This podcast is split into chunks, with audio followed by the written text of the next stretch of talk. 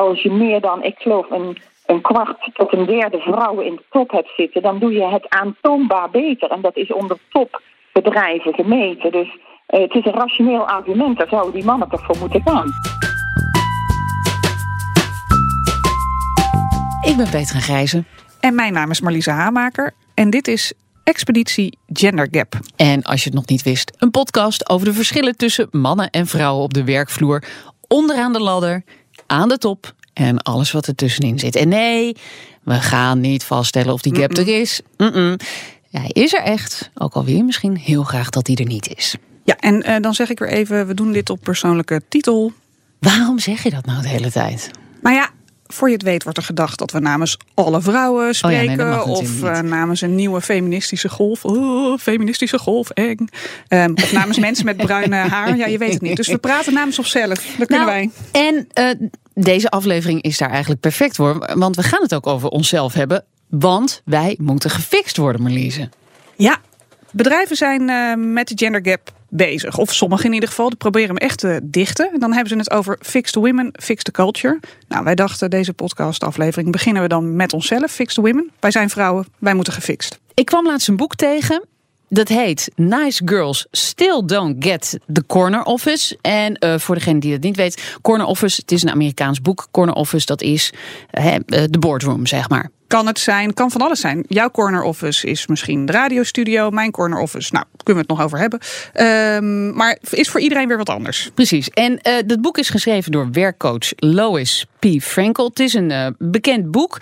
En uh, het is dus eerder uitgekomen. Toen heette het nog Nice Girls Don't Get the Corner Office. Nu heet het dus Nice Girls Still Don't Get the Corner Office. Want tien jaar nadat het voor het eerst geschreven was, bleek dat er eigenlijk nog veel te weinig veranderd wordt.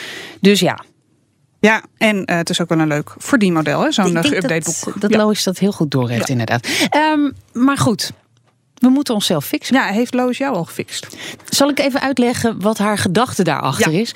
Uh, vanaf onze vroege kindertijd worden meisjes eigenlijk geleerd dat hè, hun succes afhangt van bepaalde stereotype manier van gedragen. Bijvoorbeeld beleefd zijn, uh, toegefelijk, gericht op relaties. Herkenbaar? Mm, ja, ja. En dat wordt dan ook bekrachtigd door media om je heen, familie, eigenlijk je hele sociale omgeving. Met andere woorden, wij leren om een aardig meisje te zijn. De nice girls. En dat blijven is minder pijnlijk dan je gedragen als een volwassen vrouw. Iets wat trouwens totaal geaccepteerd wordt voor jongens en mannen.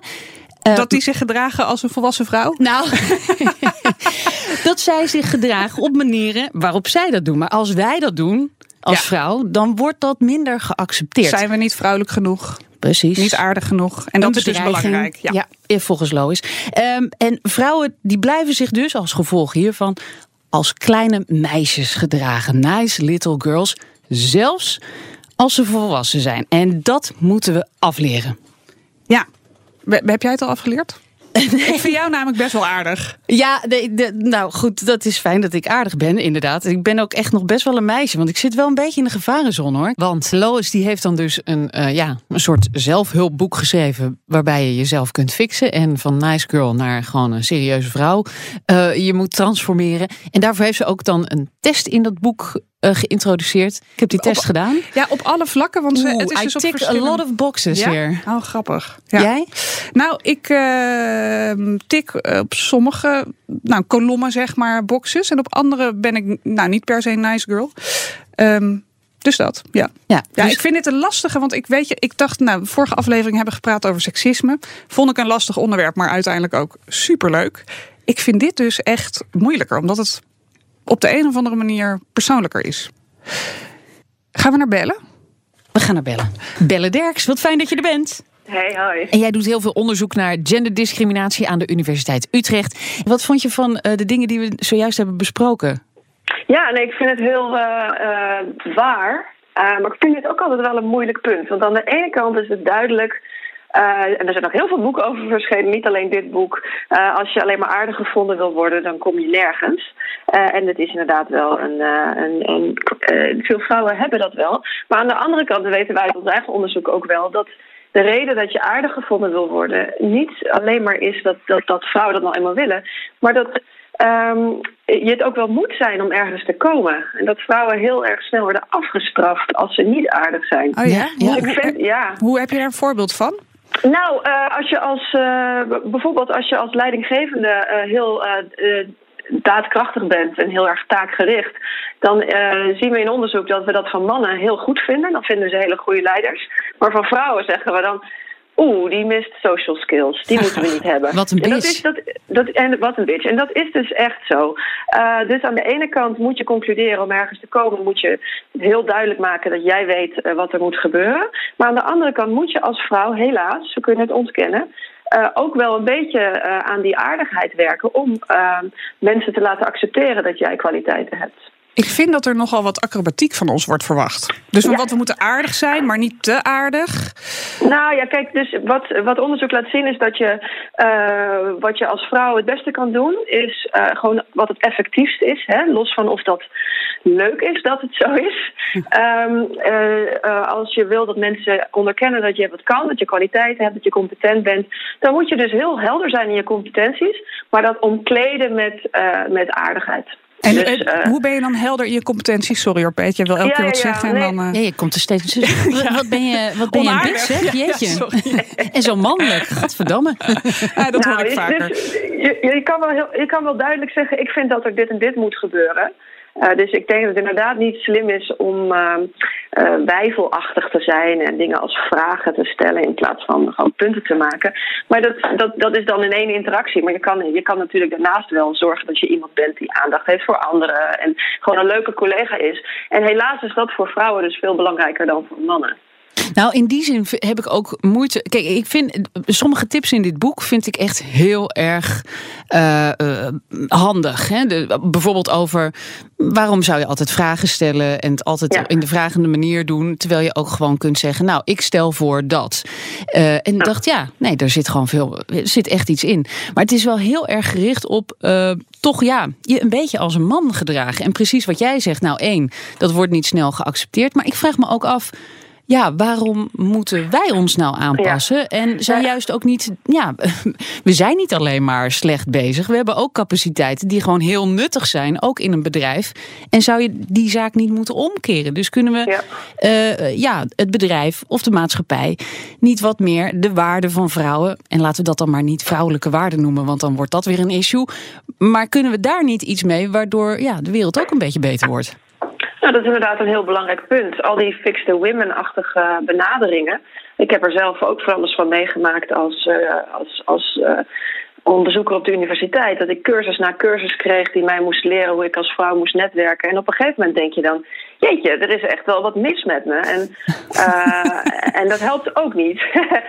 um, plus, uh, wat het eigenlijk ook zegt, is dat je dus als vrouw moet, je moet aanpassen aan een, uh, aan een bedrijfscultuur die bepaald wordt door mannen. En jij moet dus leren hoe jij je daarin staande moet houden. Maar het probleem is daarvan dat als bedrijven zeggen dat ze diversiteit willen, dan moeten ze ook diversiteit accepteren. Dus dan moeten ze niet zeggen van, we gaan jou leren hoe jij je staande kan houden in dit mannenbedrijf. Maar dan moeten ze ook openstaan voor, nou, hoe wil jij dingen aanpakken? En misschien heb jij wel een andere manier van netwerken, of misschien heb jij wel een andere manier van communiceren. En misschien kunnen wij daar ook wat van leren. Dus ja, inderdaad, ik, uh, dit is, dit is, het is belangrijk, fix the women. Het is belangrijk om je als vrouw bewust te zijn van dit soort processen, zodat je ook kan kijken van hé, hey, uh, ik, ik doe dat inderdaad ook en dat zou misschien anders kunnen. Maar uh, om nou te zeggen, wij moeten als vrouwen leren hoe je je als man gedraagt. En dan, wordt het, dan worden we succesvol, dat, dat klopt gewoon niet. En um, als je het dan hebt, hè, want dat is wel fijn, we zijn eigenlijk heel snel van fix the women naar fix uh, the culture of fix the business. Ja. Hoe zou je bedrijven hierin kunnen veranderen? Op wat voor nou, manier doe je dat? Ik, even, ik, ik zeg niet dat fix the women helemaal niet goed is, maar ik denk dat het belangrijk is als het fix the women en fix the culture is. Um, zodat, uh, ik denk, dan bereik je denk ik het meeste. Um, nou, ik denk dat bedrijven dus moeten kijken naar uh, hoe open staan wij voor, uh, voor, voor vrouwen? In hoeverre hebben wij een hele uh, homogene cultuur die gericht is op een bepaald type man? en, en hoe kunnen we dat aanpassen? En dus ook de mensen in zo'n organisatie moeten zich bewust worden van dit soort processen. Van oké, als ik een. ik ben dus geneigd om bij een vrouw al snel te denken, ik vind haar niet aardig. En, en, en, en, en zo kom je nooit in een, tot een meer diverse workforce. En Belle, wij hadden het aan het begin van, van deze aflevering hadden we het er zelf over van, nou dit boek, hè, seksisme, daar kunnen we nog wel uiteindelijk over praten, blijkt. Maar dit gaat echt over onszelf. En dat geldt natuurlijk ook voor bijvoorbeeld de top van een bedrijf. Als je echt naar jezelf moet kijken van hoe gedraag ik mij binnen de top ten opzichte van vrouwen of hè, diversiteit in het algemeen, uh, dat vergt best wel wat ook, denk ik, van jou persoonlijk psychologisch gezien in de top. Ja. Ja, ja mensen zijn uh, hier altijd een beetje bang voor, omdat ze. Uh, als ze erachter komen dat zij zelf ook vooroordelen hebben, of dat je als bedrijf inderdaad een selectieprocedure hebt waardoor vrouwen steeds minder kans hebben, uh, dan, dan, voelen ze zich schuldig en daar willen ze eigenlijk niet aan. Terwijl veel van de uh, cursussen die bedrijven kunnen volgen om dit te verbeteren, die gaan er ook van uit. Oké, dit doen we dus allemaal. Wat zijn nou de structurele dingen die we kunnen doen, zodat dat uh, minder een rol gaat spelen? En dan gaat het dus helemaal niet om wie is hier schuldig, maar wat is het systeem waarin we betere uitkomsten krijgen? Ja, ja. dus je moet daar eigenlijk een beetje aan voorbij gaan van wiens schuld is dit? Nou, want wat... het is dus ieder schuld. nou, precies. En wat wij ook wel tegen zijn gekomen, hè, bepaalde bedrijven die willen er niet graag over praten. Je ziet andere bedrijven die er heel open over zijn, die ook echt zeggen van, we vinden dit een belangrijk onderwerp. Toen hebben we even gekeken naar onze eigen boord en wat bleek, wij zijn hartstikke homogeen. Maar weet je wat, we gooien het naar buiten en geef ons tips. Kom maar door met die tips hoe we dat kunnen veranderen. Um, is dat misschien ook wat je met z'n allen dan moet zeggen van, joh, het is niet erg dat je het altijd zo hebt gedaan. Want daar hebben we allemaal aan meegewerkt. Maar laten we nu met z'n allen proberen om dat toch te veranderen. Ja, ja dat lijkt me wel. En, en wat je dan krijgt is eh, een ander punt waar je dan zo'n boord van moet overtuigen, is dat de eerste associatie die mensen hebben bij diversiteitsbeleid is, nou dan moet je dus uh, mensen van minder kwaliteit gaan accepteren. Uh, en dat is niet zo. Dus zodra ze daarvan overtuigd raken dat je op deze manier meer kwaliteit beter kan selecteren, dan zijn veel bedrijven er al vrij snel voor. Maar het is iets wat een lange adem uh, nodig heeft. Uh, en, en wat er dus vaak misgaat, is dat er dan een tijdje wordt dit gedaan en op een gegeven moment denken ze, nou, het is wel weer goed. En dan gaat het weer de verkeerde kant op. Heb je zelf nog een final thought die je heel graag kwijt wilt in deze laatste aflevering van ons drieluik? Nou, um, uh, als we het hebben over aardig zijn, dan denk ik dat het goed is voor vrouwen om zich te realiseren. Je moet niet te aardig zijn, maar andere, andere kant is aardig zijn ook je wapen. Want door aardig te zijn kan je op heel strategische wijze uh, toch binnenkomen op plekken en toch laten zien wat je kan. Alleen je moet je ervan bewust zijn dat het een wapen is en, en het niet allemaal maar zomaar laten gebeuren. Hoogleraar Belle Derks. Dankjewel, dankjewel, dankjewel beetje aardig zijn dus. Dat kan ook gewoon een wapen zijn, eh, zegt Belle. Ja, um, we hebben nu onszelf gehad en we moeten misschien een beetje sleutelen aan onszelf. Want de wereld om ons heen gaat niet zo heel snel veranderen. Ik weet eigenlijk niet of ik dat goed genoeg vind. Ik vind bedrijven moeten ook gewoon in beweging komen, toch? Vind ik ook. Sommigen doen het ook al. Hoe proberen zij nou te zorgen dat vrouwen wel doorstromen naar hogere functies en uiteindelijk gewoon de top? Hoor je straks meer over. Onder andere van een topvrouw zelf. President-directeur van Shell Nederland, Marjan van Loon. Over haar eigen loopbaan gaan we het hebben. Ook over topmannen die het best wel moeilijk vinden om geschikte vrouwen te vinden. Ja, we hebben het dus over manieren waarop je binnen een bedrijf de gap kunt dichten. Want op dat vlak is er echt nog wel wat te doen hoor. Uh, blijkt ook uit de verhalen die we de laatste tijd allemaal hebben gehoord. Van vrouwen die zelf naar ons toe kwamen met hun ervaringen in de corporate wereld. Zoals deze vrouw bijvoorbeeld uit Haiti. Wij weten hoe ze heet, wie ze is. Eh, maar voor de podcast wilde ze liever anoniem haar verhaal vertellen. Ze kwam naar ons toe op een eh, bijeenkomst van Spark. Is een netwerk van vrouwelijke ondernemers. En dit is haar verhaal. Let op, ze praat een beetje snel en in het Engels. I had a new boss and I had been working in this company for about seven years. So and so I work in heavy industry, very male-oriented environment. But so far things were going well for me. We had just signed two billion dollars of contracts, and I had a new boss coming in, and he was going around and making everybody from the management committee. So he came into my office and sat down, and I started explaining what I was doing. And the first thing he said to me is like, "I don't think a woman can do your job." I was I was shocked. I didn't know how to react. I, I had this stupid laugh because I had no idea how to take that. I was like, is this a joke? My mind was going crazy. What do I say? Do I need to react? If I react, you know, am I might get in trouble. It was a very difficult moment for you. The only thing I said is that, you know, I'm a former HR, you're not supposed to say that, haha. But I went home with a very, very bitter feeling And for the following year, my job started to shrink. I was not meeting clients anymore. I wasn't invited anymore. He wanted to move me into a smaller office at the back of the building because he was pissed off that senior vice presidents were coming to stop in my office first and chat with me because I was coming from corporate environment. So blah blah blah. Altogether, it started to be really difficult for me. And in the end, I decided to quit.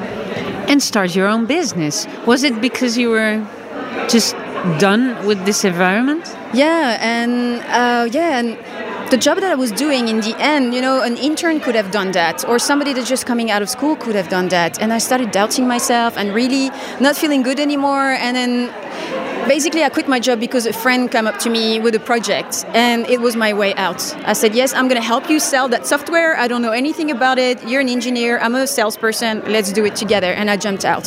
So today, in a way, it was a very difficult moment for me to actually go through that, but in a way, I actually thank that guy who sat in my office and said that to me because it pushed me out. Because inside me, I was not a corporate person. I had worked in corporate environment for 13 years. I was successful, but I was an entrepreneur. But I was a bit afraid to go out of my comfort zone. I was afraid not to have the paycheck at the end of the month. I had a very comfortable life. I was making good money, but I was afraid to go out on myself. So in a way, it was the silver lining of the whole story. Is that actually it gave me a really good kick in the butt if i can say it and jump out and start for myself. And make your own company according to your own rules. Exactly. And now I actually choose people I work with, you know. I would never let anybody tell this to me anymore, you know. I can actually choose the client I want to work with, the right energy. If tomorrow a man or a woman and come and say, I don't think you're the person who can do that job, then it's fine. We're not made for each other. Just go find the right person for you and I find the right person for me. And this has multiplied my energy. I don't have this Sunday night depression feeling anymore. I jump out of bed in the morning and I'm more um, an evening person, so you know, jumping out of bed in the morning. Of course, there's high and lows of being an entrepreneur, but I feel free. I feel free to make my own decisions, and I also feel free to work with the people I want to work with. Jeetje, dat is wel echt een sterk staaltje seksisme, zeg. Dit werk is niet voor jou, want je bent een vrouw. Bleek wel uiteindelijk een zegen voor haar. Eh, ze runt nu haar eigen business. Ja, en dan kan je het gewoon natuurlijk allemaal lekker zelf regelen. Uh, vrouwen die weggaan bij een bedrijf, de top niet halen. Bedrijven die worstelen daar zelf ook mee. En dat blijkt ook wel uit de opdrachten die Erna Terwele krijgt. Zij runt het bureau tot 2020. Is een bedrijf dat organisaties begeleidt bij allerlei diversiteitstrajecten. En haar klanten zijn uh, grote jongens hoor. Of moet ik zeggen meisjes trouwens? Nou, ik denk toch wel vooral jongens, ja. Denk bijvoorbeeld aan uh, DNB, NN Groep, Robeco, PGGM. Ja, en hoe gaat zij nou te werk als deze bedrijven haar hulp inroepen? Nou, waar wij mee beginnen is uh, dat wij zeggen: goh, het gaat in allereerste instantie gaat het heel erg over uh, feiten en uh, feiten zichtbaar maken. Dus inzichtelijk maken waar dit over gaat. Zoals bijvoorbeeld? nou, hoe, hoe, hoeveel mannen, hoeveel vrouwen is er eigenlijk? Hoeveel doorstroom is er eigenlijk? waar zitten die vrouwen? wat, zijn, wat zijn de beloningsverschillen? En al dat soort cijfers boven tafel krijgen. Maar daarvoor afgaat, en dat, dat is misschien nog wel een belangrijkere, is maak. Uh, uh, wij adviseren, maak een echt veranderplan. Behandel dit als een welk ander veranderplan of welke andere grote verandering je in je organisatie ook zou behandelen. Dus maak echt een businessplan waarin je zegt: Oké, dit is wat mijn doelstellingen zijn, dit is wat mijn kaders zijn, dit zijn de strategieën, dit zijn de acties en zo ga ik het meetbaar maken. Dat is waar wij beginnen. Ik sprak met uh, iemand van een bedrijf um, en zij zei: Nou, wij merkten op een gegeven moment uh, dat uh, vrouwen Um, nou, dat zie je ook, hè? vrouwen hoog opgeleid, uh, stromen uh, uh, nou, ook op echt posities wel binnen, ehm, binnen het bedrijf. Maar op een gegeven moment stokt het. Ja. Nou, dan denk je, oh ja, zwanger. Zit er hier ook een in de studio. Uh, hè, zwanger, dus, Hallo, uh, ja, dus ja. ja. dat kost nou eenmaal tijd. Dat is best een uh, ding, een, een, heel nieuw mens bouwen. Um, dus dan, dan stromen ze uit. Of is dat ook waar het aan ligt? Dat vrouwen niet verder komen? Dat ze dus zo nodig kinderen moeten krijgen? Sorry hoor mensen. Ja. Sorry wereld. Um, ja, nou ja, het is natuurlijk eigenlijk een beetje absurd als je kijkt over een langdurige carrière. Dat je dan misschien vier maanden uit de running bent. Omdat je dan met zwangerschapsverlof bent. Mm -hmm. Dat dat dan het feit is waarom die doorstroom van mannen vier keer zoveel sneller gaat dan vrouwen. Ja, dat weiger ik me bij neer te leggen. Wat ja, dat is dus ook misschien niet carrière? waar. Nee, dat nee. vind ik echt flauwekul. Ja. Waar uh, ligt het dan wel aan? Oh, dat is een hele complexe vraag. Uh, maar, nou ja, maar ja. probeer hem zo concreet mogelijk te maken. Dus, want je, je, je hebt ongetwijfeld gewoon allerlei stukjes bij al die bedrijven nou, gezien. gezien. Nou, waar, waar het. Uh, ik denk dat de ongeschreven regels, eh, hoe mannen in het werk zitten en hoe vrouwen in het werk zitten, echt verschillend zijn. Mannen hebben echt andere, eh, ja, gaan voor andere dingen dan vrouwen gaan. En aangezien de meerderheid in organisaties nog steeds mannelijk is, wordt succes ook gedefinieerd in mannelijke zin. En eh, is het voor vrouwen toch vaak op een gegeven moment het feit van ga ik me aanpassen, ga ik meedoen of ga ik, eh, eh, ga ik mezelf blijven? Dat, dat is gewoon een belangrijke, ja, een, een, zwaar dilemma, zeg maar. Wat, wat zijn dan typische manieren, mannelijke eh, succesfactoren? Nou, mannelijke succesfactoren gaat het toch heel vaak over. mannen zijn veel meer gericht op het individu. Op, op, op het scoren, op de competitie, op beloning, externe beloning, financiële beloning. Ehm, op eh, echt aanwezigheid. Eh, zorg dat eh, je, je moet zichtbaar zijn in organisaties. Hè, de, de, de, de zichtbaarheidscultuur. Het maakt niet zoveel uit of je echt aan het werk bent als je maar zorgt dat je er van Precies. 9 tot 5 of 9 tot 8 Precies, zit. op Ja. status en hiërarchie. Dat zijn echt typische masculine kenmerken in een organisatie. En dat je het dus ook laat merken aan de baas wat je Dat je allemaal laat doet. merken. Brandjes blussen. Hè? Mannen creëren brandjes zodat ze kunnen blussen. En nou weet ik dat ik ontzettend chargeer. Maar dat is wel even Wauw, hoe werkt de- dat? Ja. Oh, Dat kunnen wij dus, dat willen wij leren. nou, volgens mij heb Hoe je dat. moeten we een brandje aansteken en hoe kunnen we vervolgens weer blussen en Nou, ermee pronken bij de zorg baas? Dat er een, ja, precies. Zorg dat er een crisis aankomt. Dan gaan we vervolgens de crisis oplossen. Ehm, kijk, vrouwen zijn in dat opzicht gewoon anders. En ik, en ik Nou, dat merk je wel aan onze reactie, Ja, want eh, dit kennen we helemaal niet. ja, Ja, ik denk ook dat er nu allerlei mensen, of ma- mensen, mensen luisteren, maar ook dat er mannen luisteren die zeggen: Ja, hallo, ik creëer helemaal geen brandjes. Ik los gewoon echt crisis precies. op. Ik los een crisis op. Ja. Ja. Ja, Vrouwen voorkomen de crisis. Zijn meer procesgeoriënteerd. Ah, En dat valt Eh, minder op. En dat valt dus minder op. Ja. Ja. Eh, vrouwen gaan veel meer voor het, eh, het collectief, voor het persoonlijke ontwikkeling, voor de intrinsieke motivatie. Eh, ja, ik hoorde een hele mooie ac- anekdote van eh, een dame van IBM die wij hadden uitgenodigd voor een presentatie. Zei, ze was een, een, eh, een belangrijke functie. En zij gaf aan van ik. eh, eh, in mijn functie kwam vrij, want ik, ik ging hogerop. En dat was nog niet officieel bekend. Het was gewoon nog nergens in. Het was echt heel stil. Nog diezelfde dag, voordat het officieel bekend was, had ik al vijf mannen aan mijn bureau staan en zeggen: Ik moet even met je koffie drinken morgen. Ik moet even met je praten. Want.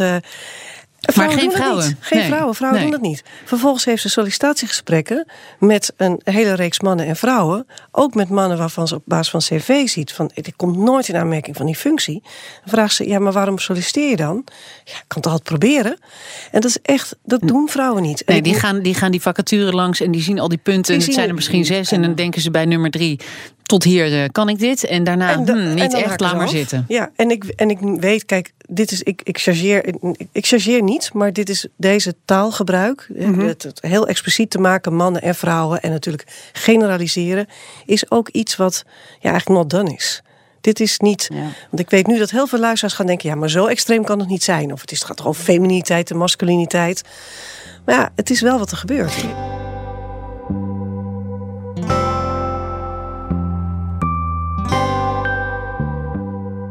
Keklik Yücel, die hadden we ook uitgenodigd. Zij maakte zich de afgelopen jaren voor de PvdA in de Tweede Kamer hard voor een wet waarmee bedrijven eigenlijk gedwongen worden om, daar is hij weer, de loonkloof aan te pakken. En voor haar zijn al die verhalen heel herkenbaar. Ik herken dit zeer, ook in de politiek. Ehm, eerst even een voorbeeld vanuit het werk wat ik in de Kamer heb gedaan. Ook in het kader van meer vrouwen door laten stromen naar die topfuncties. Heb ik heel veel bedrijven bezocht om eh, de topmannen, de topvrouwen, maar ook andere vrouwen die in andere managementlagen eh werkten te spreken. Om heel veel eh, te horen hoe werkt dat nou in bedrijven. En een heel stel vrouwen bij een echt een groot bedrijf vertelde mij, en dat vond ik eigenlijk wel mooi verwoord, dat Old Boys Network, waar we het iedere keer over hebben, dat bestaat gewoon. En we zien het allemaal. Eh, het is een soort laag die je rondom dat netwerk heen eh, ehm, ehm, heerst. En eh, je kunt het niet pakken, maar je ziet het wel. We zien het allemaal. En hoe uit dat zich? Bijvoorbeeld, mannen die zijn heel erg geneigd om elkaar even ook naar elkaar toe te lopen en een schouderklopje te geven. hey, goed joh, zullen we vandaag ook even een biertje drinken? Dat, dat doen vrouwen niet op die manier, eh, op dezelfde manier. Maar ook in een vergadering. En dat is ook in de Kamer gewoon zo. Dan zeg je als vrouw, doe je echt een heel goed voorstel. En dan vier, vijf rondes daarna, als Ja. mensen hebben gesproken, als laatste spreekt de man. En dan roepen al die mannen, maar Dat is dus de oplossing. Dat gaan we doen. En dan Eh, had jij dat tien minuten daarvoor al gezegd. Precies hetzelfde hebt gezegd. De loonkloof, dat is dus ook een onderdeel van, nou ja, waar je misschien dan achterloopt. Ook omdat je in die mannelijke cultuur niet Nou, je succes niet claimt, niet precies zichtbaar bent. Nee. En eh, dan wordt er dus heel veel een fixed wimmen van je moet succes, successen claimen, je moet zichtbaar zijn, je moet eh, eh, En gewoon vragen om en loonsverhoging. vragen om loonsverhoging. Eh, dat zit Ja. nog niet zo in ons. Over het vragen over loonsverhoging. Ik ben er natuurlijk in de Kamer de afgelopen jaren heel erg mee bezig geweest. Maar ik ben zelf ook een vrouw Ja. die ook dezelfde valkuilen heeft gehad. Misschien moet ik daar even mee beginnen. Ik werkte heel lang bij een organisatie en ik was heel laag ingestroomd omdat ik nog met mijn studie bezig was. Vond ik ook heel logisch. Ik keek er heel redelijk en rationeel naar. En, eh, maar ik bleef in die lagere schaal en daardoor ook in die lagere traders. Dat bleef me achtervolgen. Terwijl ik al 10, 12 jaar daar werkte en ik op een gegeven moment een managementpositie eh, kon bekleden. En toen eh, hadden we thuis met mijn man erover van... Goh, gaan we nog onderhandelen over het salaris? Of ga ik dat doen? Toen zei mijn man, je gaat inzetten op... en dat waren echt, volgens mij, nou ja, dat was iets van bijna duizend euro meer. En hij wees mij de plek aan van de treden. En ik dacht, nee, ik kreeg toch al buikpijn van, nee, dat kan toch niet. En mijn man zei van, ja, eh, nee, heb je? Ja, kun je krijgen. Dit moet je echt gaan doen. En toen dacht ik, ik ga het een keer op die mannelijke manier doen. En ik ben naar mijn baas gegaan. En ik zei, eh, dus eh, dat wil ik verdienen. En verteld waarom. Hij draaide zich om. Hij keek naar een overzicht. Ik denk dat het een overzicht was van alle nieuw benoemde managers. En wat ze verdienden. En dat duurde echt geen 10 of 15 seconden. Hij draaide terug en hij zei, is goed. Dus ik had nog te laag ingezet, hè? Precies. Ik had nog te laag ingezet. Dus ook wij vrouwen zijn daar te bescheiden Absoluut. in. En kijken er veel te inhoudelijk en rationeel naar. En halen er niet uit wat erin in zit. En vragen eigenlijk in feite niet wat we verdienen. En hoe heb jij dan in je wetsvoorstel eh, het zo geformuleerd dat je bedrijven dan ook daadwerkelijk kunt dwingen? Ik dacht dus, eh, ik wil het op organisatieniveau, op bedrijfsniveau inzichtelijk krijgen en eh, transparant krijgen. Dus ik heb eh, een wetsvoorstel gemaakt met drie componenten. Eén, die cijfers moeten op tafel. En, ehm, en dan moet geanalyseerd worden waar die verschillen in zitten. En dan moet er beleid op gemaakt worden om eh, de verschillen te dichten. Ja. De ondernemingsraad, dus de vertegenwoordiging van al die mannen en vrouwen eh, in zo'n bedrijf, die moet dan het, instemmen met het beleid. Die heeft dan instemmingsrecht. En vervolgens moet het ook in het sociale jaarverslag. Het moet ook, bedrijven moeten ook met de billen bloot. A, moeten ze laten zien dat die verschillen er zijn, of niet. Maar dan is het echt een asset. Ja. En als ze er wel zijn, is het, hoeft het ook nog geen schande te zijn. Als ze maar er goed bij zetten hoe, actief ze dat willen Ja, bestrijden. ja. En anders strafbaar stellen, zoals uw PvdA-collega Lilianne Ploemen graag wil? Ik wilde het eerst zelf de afgelopen jaren op deze wijze. Dan maken we in ieder geval een begin. En Lilianne Ploemen neemt eh, dit wetsvoorstel over. En ze gaat hem opnieuw indienen met een nieuw component erbij. Ze wil het ook gewoon aanscherpen. dat het ook eh, strafbaar wordt naar het IJslands model. En dat vind ik eigenlijk ook wel eh, heel erg de moeite waard. Erna, eh, hebben Ja. bedrijven dit nodig? Eh, ja, ik denk dat dit echt gaat helpen. Mhm. Ik denk dat dit. eh, eh, kijk, de organisaties die, die het al goed doen, daar is het ook geen issue voor, want die kunnen het ook heel makkelijk opleveren. Is het ook helemaal geen, geen vraagstuk, want dan, dan zijn die cijfers er, dan is het beleid er, dan is er een dialoog over. Dus voor die organisaties waar het in orde is, is het helemaal prima, want dat, dat is al.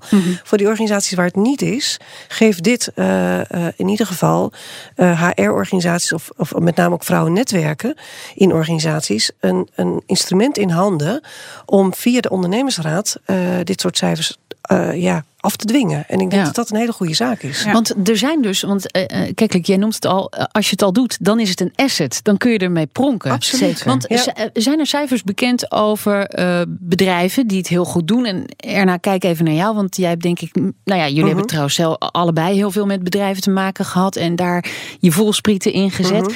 Mhm. Welke zijn er organisaties die gewoon geen gender gap hebben? En wat is het gevolg daarvan? Wat is die asset dan?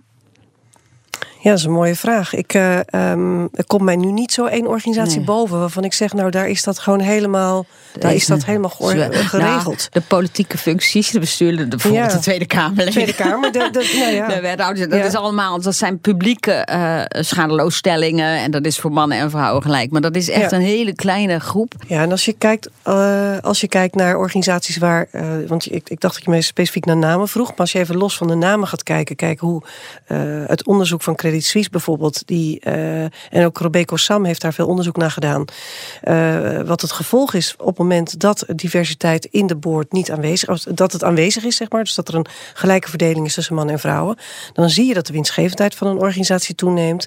Je ziet dat de, ver, de omzetten toenemen. Je ziet dat de innovatie, innovatieve kan toenemen, de creatieve kan toenemen. Dus de veiligheid in een organisatie zie je toenemen, wat alle gevolgen heeft voor het kunnen ontplooien van, uh, van medewerkers. En, en de binding met medewerkers. Dus je ziet ontzettend veel positieve effecten. Ja, ja, ja. En dat geldt dus niet alleen op vrouwenvlak trouwens. Want dat geldt ook echt om diversiteit. dus mensen met een andere culturele achtergrond. Ja, dat zijn hele mooie redenen om daar echt werk van te maken voor bedrijven zelf. maar het is ook nog eens zo dat uh, als wij vrouwen blijven onderbetalen, dan. Uh, verdienen vrouwen altijd weer minder. Wanneer de kinderen komen in een gezinssituatie, komt die keuze om, deel, om deeltijd te werken altijd weer automatisch bij die vrouw. Omdat hij dus ook minder verdient. en het ja, ja. logischer is, ja, wie gaat dan, de hypotheek betalen? Gaan we, hoe, gaan we de, uh, hoe zorgen we dat we zoveel mogelijk blijven verdienen? Oh, als de vrouw minder werkt, houden we meer over. Dus laten we dat dan maar doen.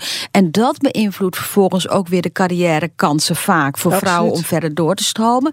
Dus we benutten en de talenten niet van vrouwen mhm. voldoende in onze samenleving, wat gewoon heel veel gevolgen heeft. Ja. Maar ook, het is ook gewoon zo onrechtvaardig. Als wij met z'n allen zeggen mannen en vrouwen zijn gelijk en we proberen dat ook alle nieuwkomers uh, terecht ook steeds uh, aan te geven en uh, aan hen over te dragen, dan moeten wij ook de maatschappelijke gelijkwaardigheid en het gelijke speelveld ook veel beter creëren. Al dus Keklik Yücel, oud Tweede Kamerlid van de PvdA... en Erna Terwele dus van tot 2020. Ja, en zo krijg je dus steeds meer een beeld hè, van over hoe bedrijven, mannen en vrouwen worstelen met dit vraagstuk. Wat ze eraan doen, wat ze eraan kunnen doen. En ja, we wilden natuurlijk ook gewoon zelf heel graag een bedrijf horen hierover. Ja, uh, Marjan van Loon uh, hadden we het al eventjes over. President-directeur van Shell Nederland. Een vrouw in de top. Een plek die heel veel vrouwen niet bereiken. Zij dus wel. Hoe heeft ze dat voor elkaar gekregen? Ja, ik denk dat het uh, komt door vooral je eigen plan te blijven trekken. Hè? Dus het is jouw leven en te kijken wat vind jij belangrijk. te gaan voor uh, die dingen uh, die je wilt in je leven. En voor mij was dat blijven leren, interessante dingen doen, een beetje avontuurlijk, grijp je kansen. Maar gecombineerd met, met hobby's en thuis. En dat heb ik eigenlijk mijn hele leven wel zo door kunnen zetten. En dat, en dat kan dus ja. Maar u heeft wel kinderen, toch?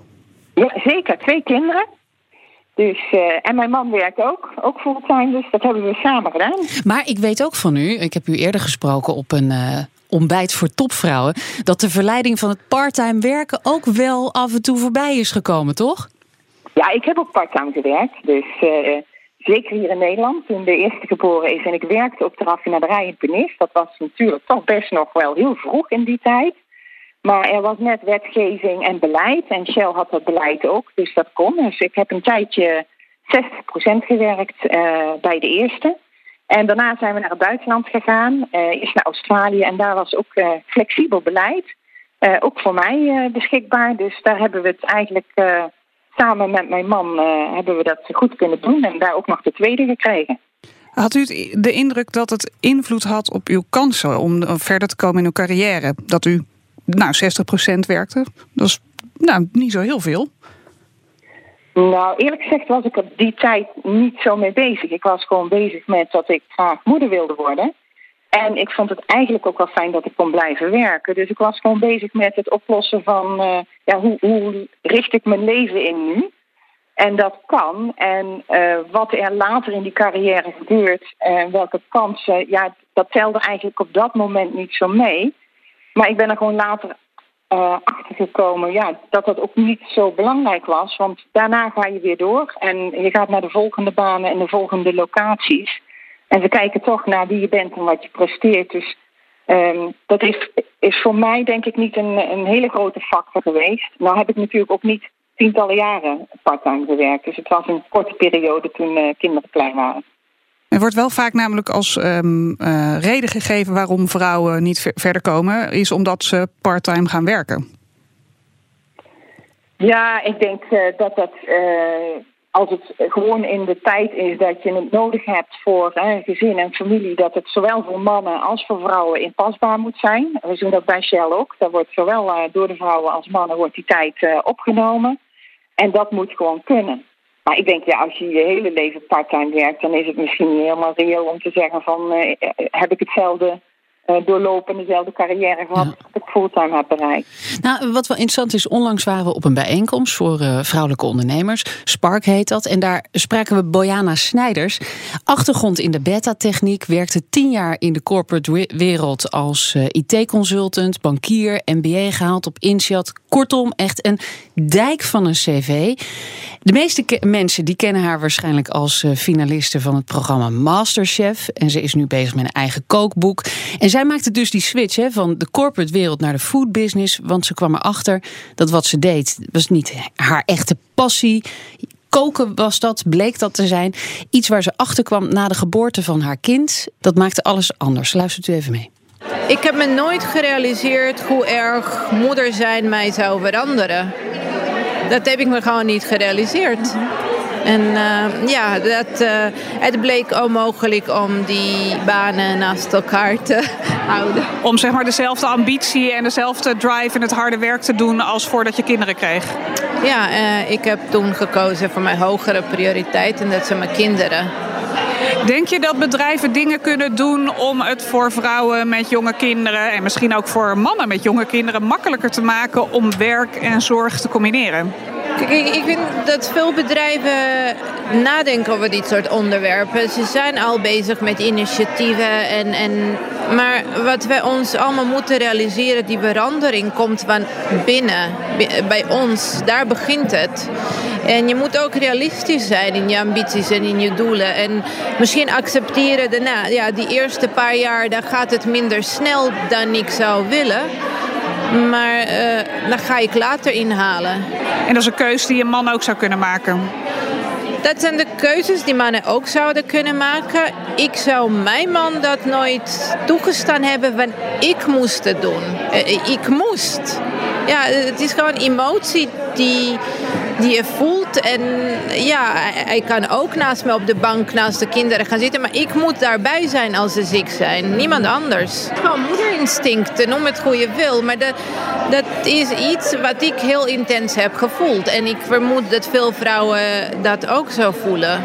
Het is heel bizar. Ik ja. heb altijd gedacht, ja, wat een onzin, doen normaal. Uh, maar het, het, is bizar hoe moeder zijn mij heeft veranderd. En ik moet zeggen, echt verbeterd als persoon. Ja, en dus misschien is het ook gewoon accepteren dat je daardoor dus misschien je carrière on hold zet of een, andere, nou ja, een ander, ander pad inslaat.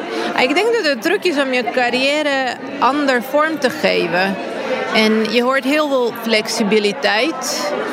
En dat is wat ik denk uitstekend werk. Als je zo'n baan hebt of kunt creëren dat je veel flexibiliteit hebt, dan kan je nog steeds die creatieve output doen en, en geweldige dingen. Je hebt nog steeds dezelfde hersenen en ideeën. En, maar on your terms, binnen de tijd dat jij kiest om te werken. Dus als je kinderen slapen of naar school zijn, of, ja, het is gewoon Met je eigen regels eigenlijk. Ja, dat je iets meer je eigen regels bepaalt. Ja, mevrouw Van Loon, u heeft meegeluisterd. Herkenbaar dit ook? Ja, aan één kant wel. Uh, ik heb natuurlijk ook toen ik uh, kleine kinderen had wel gezeten met van... goh, wat wordt er van mij als moeder verwacht? Ik denk dat ik wel heel snel ook van mijn partner te horen kreeg van... ja, maar ik voel het precies zo. Hè? Het zijn ook mijn kinderen. Ik heb diezelfde zorgen. Dus misschien denk jij wel dat jij hè, daar alleen voor wilt zorgen. Maar dit, dit doen wij samen. Uh, en ik denk dat ik me daar heel erg in gesteund heb. En dat wil niet zeggen dat uh, de ene route beter is dan de andere. Dus ik heb uh, volledige bewondering voor moeders die besluiten van ik blijf thuis. Dat is een keuze. ik heb met, ook met steun van mijn man heb ik ja, wel verder gewerkt en het gecombineerd. En dat paste heel goed bij mij. En dat vind ik eigenlijk de belangrijkste boodschap. Is dat iedereen gewoon zelf moet kiezen wat hij wil. Dat er ook geen, geen label gezet wordt op wat is een goede moeder of wat is een slechte moeder.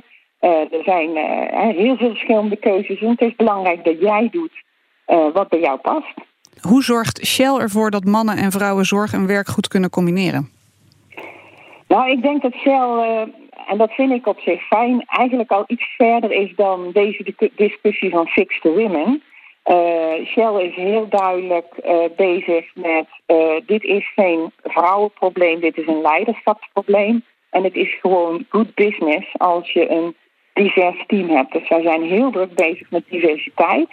En mannen en vrouwen is er daar één van. Maar we zijn natuurlijk ook, hè, we hebben heel veel nationaliteiten. We zijn met, met, met, met allerlei verschillende vormen van diversiteit en vooral ook inclusiviteit bezig. Hè. Dus hoe zorg je dat je ze niet alleen hebt maar ook betrekt bij je business. En ik denk dat die discussie belangrijk is in een bedrijf. Het, diversiteit is goed business. Je doet het als bedrijf gewoon veel beter. En dan verleg je het probleem van een vrouwen, of fix the women, naar dit is een bedrijfsissue. En ga dus de discussie met de mannen aan. Dus al deze fases waar je als jong gezin doorheen gaat, mannen krijgen ook uh, kinderen. Je doet dit samen en hoe, hoe ga je hier doorheen en hoe zorg je gewoon dat je een diversiteit uh, krijgt en houdt, die past bij de maatschappij waarin je opereert. Ja, want uh, we hebben ons een beetje verdiept in de man-vrouw verhoudingen binnen Shell. En in de top van het bedrijf is het trouwens behoorlijk 50-50. Maar als je kijkt dan net daaronder, dan wordt het lastig. Uh, en in totaal zijn 22% van, van de werknemers bij Shell is vrouw. Als ze instromen is het nog 50-50. Maar kennelijk is er dus tussen het begin en de top zit een moment dat de vrouwen gaan uitstromen. Dus wat doen jullie om te voorkomen dat die vrouwen weglekken? Ja, dus als je kijkt naar de top is het inderdaad zo'n tussen de 20 en de 25 procent. Dat zijn vrouwen die aangenomen zijn in de tijd dat de graduate recruitment, de aantrekking niet 50-50 was. Want er, er, er studeerden veel minder vrouwen in de techniek af. In mijn tijd was het nog maar 10 procent bij scheikunde. Ja, maar we hebben uh, dus nu eigenlijk beleid op al die punten. Dus we zorgen dat we aan de instroom, ook al zijn we voornamelijk een technisch bedrijf, toch op 50-50 terechtkomen met speciale tactieken om uh, de vrouwen uit te leggen. Uh, wat ze kunnen doen en speciale webinars, webcasts, dat ze vragen kunnen stellen. Zo gaan we eigenlijk die hele loopbaanbegeleiding door. dus we zijn zeg maar opgestapt eerst met netwerk en de vrouwen connecten, maar ook educatie, sponsoring, differentiatie voor vrouwen die beginnen, die in uh, jonge gezinnen zitten, die in het middelmanagement en naar de top zijn. En vooral nu ook heel veel discussies met de mannen en discussies met de leiderschapsteams over wat betekent het uh, voor jou als leider om een een team te leiden met mannen en vrouwen en aantrekkelijk te zijn voor vrouwen om daar te komen werken. Dus daar hebben we een heel actief beleid voor. En dan zie je dat uh, jaar op jaar die getalletjes elke keer een klein beetje omhoog gaan. Maar dan ook met harde eisen. Dus uh, ik, dat u gewoon zegt van op die afdeling minimaal, nou zeg 30% uh, vrouwen. We hebben verschillende targets gesteld. Hè. Dus door onze hele scorecard heen, wat ik net zei, we hebben het op recruitment. We hebben targets per business Mhm. waar we naar zitten. Want je kan je voorstellen dat in commercieel of hè, waar, de, waar, de, waar, de, uh, waar de financiële kant zit, dat je daar wat meer vrouwen kan krijgen dan meer de hardere disciplines in de techniek. Dus de target is niet voor elke business hetzelfde. Uh, maar die hebben we wel. En we hebben binnen allerlei teams targets dat ze elk jaar, de plus één noemen we dat, dus dat ze er elk jaar weer met eentje omhoog gaan. En daar wordt actief naar gekeken. En dan ik denk dat het belangrijk is om, om gewoon goed te kijken van wat kunnen we wel doen, hoe kunnen we de juiste conversaties hebben. Um, want je moet toch anders gaan kijken. Dat, dat weten de mannen nu ook. Als ze de cv's lezen van vrouwen, dan moeten ze dat niet doen met de manier waarop ze naar hun hè, zelf kijken. Ze, ze, ze, beseffen zich dat ze, en wij noemen dat unconscious bias, dat ze misschien dat cv lezen met de mannenogen. Mm -hmm. En dat er dus een andere discussie plaats moet vinden om ook de talenten van de vrouwen te zien. Goed te kijken naar hoe succesvol ze al geweest zijn in het verleden en daar gewoon op te durven vertrouwen. Maar eentje per jaar, dat klinkt niet als heel veel. Nee, maar ik heb het nou over bepaalde teams. Hè. Dus als je een mm. team hebt van, van tien mensen en je hebt uh, drie vrouwen en je zegt volgend jaar heb ik er vier en het jaar daarna heb ik er vijf. dan is dat best wel een, eh, een mooie target. Dit is eh, hoe u het binnen uw eigen bedrijf regelt. Um, als je kijkt naar de rest van de wereld, in de corporate wereld, dan is het nog echt behoorlijk dramatisch. Zeker als het gaat natuurlijk om vrouwen aan de top. Voorbeeld is ABN Amro, waar ze op dit moment, nu we dit opnemen, een nieuwe CFO zoeken. En waar de nieuwe topman, Kees van Dijkhuizen, dit zei in de ochtendspits op BNR. Nou, ik heb al eerder aangegeven, wij uh, zoeken uh, zeker naar vrouwen. Uh, we hebben ook nu net in, in, in, in het de bedrijf klantenlijn ook een vrouw benoemd, Daphne de Kluis. Daar zijn we ook heel blij mee. maar garanties voor dat er op een bepaalde positie een vrouw komt. We moeten ook uiteindelijk de beste kandidaat kiezen. Dus dat, dat zult u nog even moeten afwachten. Ja, maar bij gelijke geschiktheid toch voorkeur voor een vrouw? Absoluut. Ja, mevrouw Van Loon, het moet wel kwaliteit zijn. Wat zegt u tegen hem? Ja, vind ik een beetje oud denken, moet ik zeggen. Ik bedoel, wij hebben net een uh, nieuwe CFO, Jessica. En uh, daar zijn we heel blij mee, dus je kunt ze echt wel vinden. Ik denk dat de discussie omgevormd moet worden met gelijke geschiktheid. Of we nemen ze zeker aan hè, als ze goed genoeg zijn. Naar we gaan dit alleen maar vullen met een vrouw. En we gaan gewoon zo lang kijken totdat we haar gevonden hebben. En ik denk dat je dan een andere bril opzet. Want die vrouwen die zijn gewoon goed genoeg. En er zitten niet alleen maar nou, mannen van zekere leeftijd en een zekere huidskleur in de top. Omdat ze toevallig altijd de beste kandidaat waren. Zeker niet. Maar je moet anders leren kijken. Ik denk dat dat het is. Dus, en je moet jezelf dwingen om anders te kijken. Dus je moet op ja. een gegeven moment zeggen, ze zijn er. Dat weten we ook. Ze zijn er. Hoe kan ik ze vinden? Waar krijg ik hulp om ze te vinden? En dan denk ik dat je iets creatiever gaat kijken. Want je herkent gewoon niet altijd de talenten. Uh, die er ingebracht worden. Omdat je kijkt naar een baan uit je eigen referentiekader. En ja, dat is bij de meeste mannen aan de top toch een redelijk mannelijk kader. Spreekt u die topmannen hè, eh, van andere bedrijven, want u, u, zult elkaar ongetwijfeld op heel veel plekken tegenkomen. Spreekt u ze er ook echt op aan? Nou, we hebben daar vaak natuurlijk wel discussies over. Want uh, het gaat vaak over, uh, goh, je bent een vrouw aan de top. En uh, zij hebben het dan ook over van, ja, wij willen dit ook. Of ik heb net iemand aangenomen. Dus er zijn vaak discussies hierover en dan probeer ik ze wel een duwtje te geven. Ja, ja hoe doet u dat dan? Uh, even flinke poor geven? Of wat zegt u tegen ze? Ja, toch iets de, de, de, de stretch iets groter zetten. Van nou, ze zijn er echt wel als je, als je maar goed kijkt. Dus inderdaad een, een duwtje geven, moeite doen... En uh, dat ik me besef dat voor heel veel mannen het altijd als een risico zal blijven voelen om een vrouw aan te nemen. Maar Waarom? Dat ze zich, dat, omdat ze het gewoon minder herkennen. Uh, en uh, dat is helemaal niet erg als je dat met beleid doet. Zij zijn gewend als topmannen heel veel beslissingen te nemen. Waarin je kijkt naar nieuwe dingen en, en, en, en risico's. En ik denk dat ze de vrouwen gewoon tekort doen als ze proberen vrouwen te vinden die lijken op henzelf. Dus het is eigenlijk makkelijker om uh, iemand aan te nemen of met iemand te werken die een beetje op jezelf lijkt. Ik kijk nu naar Petra en wij hebben toevallig, dat hebben wel vaker, allebei een streepjes t-shirt aan. Wij trekken vaak dezelfde kleren aan. is misschien niet helemaal het juiste voorbeeld, maar je, je werkt misschien makkelijker met iemand waar je jezelf in herkent. Ja, en uh, dat is eigenlijk de, de easy way out. Hè. Dus als je een team om je heen verzamelt met mensen die op jou lijken, uh, dat voelt heel gemakkelijk.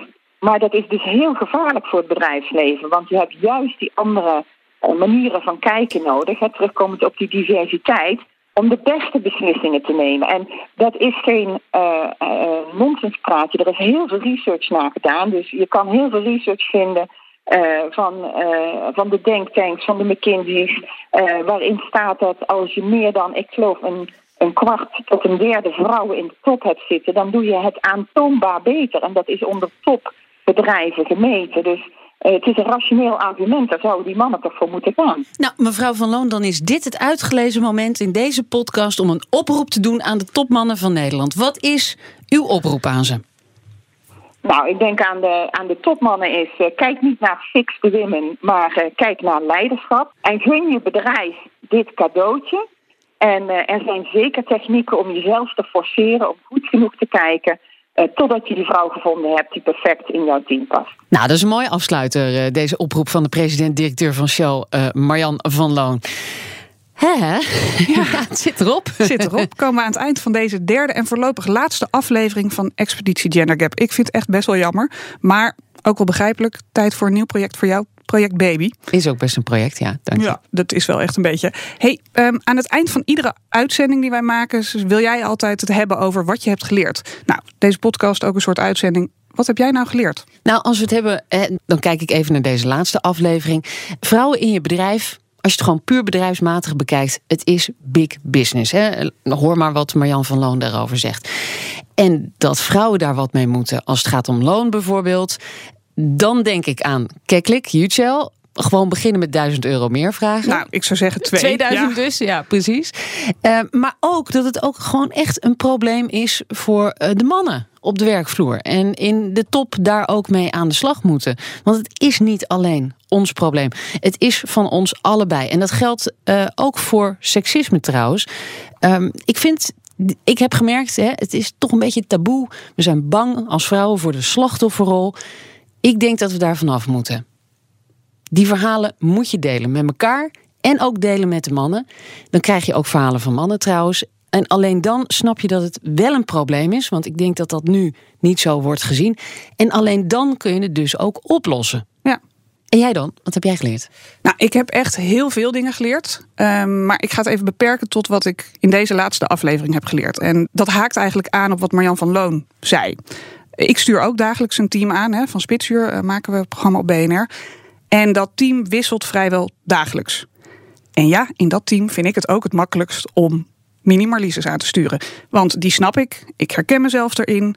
Ehm, ja, ik weet gewoon hoe Marlises werken. Hè, want ik ben er zelf een.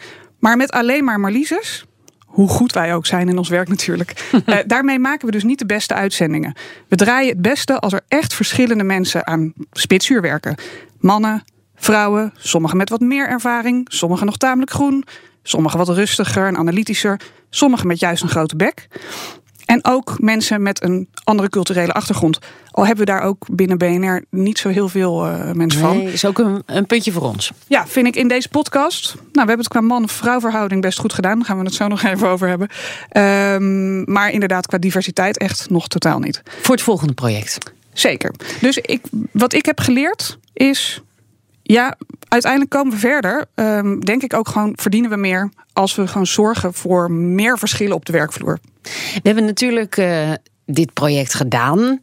Nou, daar hebben veel mensen iets eh, van gemerkt in onze omgeving. Natuurlijk vooral onze mannen. Ja, dus die hebben we laatst ook maar even opgenomen. Eh, mijn man John Hogerwaard en jouw man Jan-Fred van Wijnen, ook allebei journalisten. Jan-Fred is chef van FD Outlook bij het Financiële Dagblad. En John is de plaatsvervangend chef van de economieredactie bij NRC. We beginnen even met John, want hij heeft wel wat geleerd van deze podcast. Het, kostte me vooral heel veel tijd. Ik heb natuurlijk heel veel geluisterd naar de, naar de ideeën en, eh, en opvattingen van mijn vrouw. Die heeft hier heel veel over, hardop over nagedacht.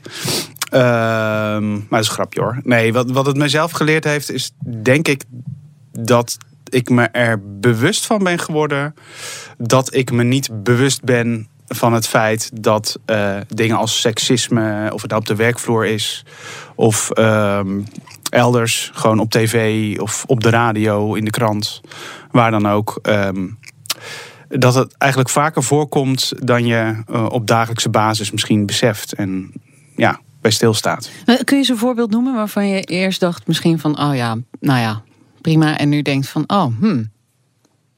Nou, ik heb niet zozeer een concreet voorbeeld, maar gek genoeg, eh, ik geef zelf ook eh, leiding aan een flinke groep mensen die voor een aanzienlijk deel uit vrouwen bestaat. En ik ben me op een of andere manier bewuster geworden eh, van hoe ik ze benader. En ik ben nog wel eens van het net iets te fout grapje. En de laatste tijd merk ik toch iets minder. En fout grapje is dat gewoon een heel schuine...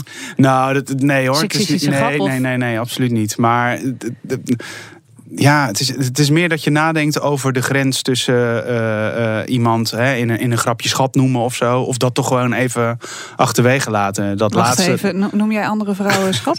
Nee, maar ik Andere mannen. kom zo. Ja, ook.